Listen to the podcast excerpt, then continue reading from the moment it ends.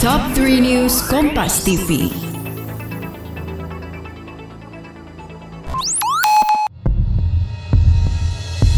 Rasain nih panasnya rokok gue. Mm. Pembajakan! Pembajakan!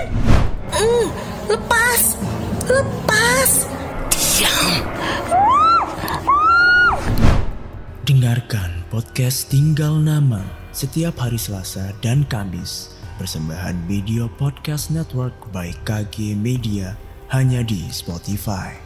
Saat semuanya sudah terlambat. Halo sahabat Kompas TV, saatnya kita update 3 berita terpopuler yang terjadi di hari Rabu 13 April 2022. Bersama saya Dea Davina di Top 3 News Kompas TV. Berita yang pertama, sahabat Kompas TV, telah terjadi kebakaran di Mall Tunjungan Plaza Surabaya pada hari Rabu sore tadi. Asap hitam tebal membumbung tinggi dari atas Tunjungan Plaza 5 Surabaya. Api terlihat berkobar dan berjatuhan dari atas bangunan Tunjungan Plaza. Para pengunjung seketika berlarian keluar dari gedung Tunjungan Plaza tersebut.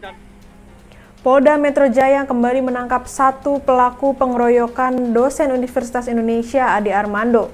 Pelaku yang ditangkap kali ini merupakan orang pertama yang melakukan pemukulan terhadap Ade Armando. Nama tersangka pengeroyok Ade Armando yang ditangkap adalah Dia Ulhak.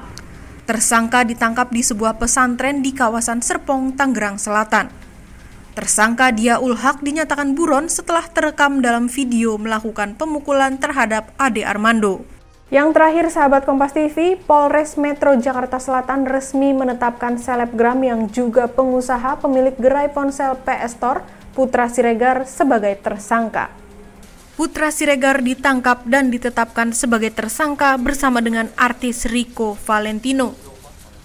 Keduanya terjerat kasus yang sama, yakni dugaan pengeroyokan terhadap seseorang berinisial MNA yang terjadi di salah satu kafe di kawasan Kebayoran Baru, Jakarta Selatan. Putra dan Riko dijerat pasal 170 KUHP dengan hukuman 5 tahun penjara. Itu dia tiga berita terpopuler yang terjadi hari ini. Sekarang saatnya saya Dea Davina pamit undur diri. Sampai ketemu lagi di Top 3 News selanjutnya.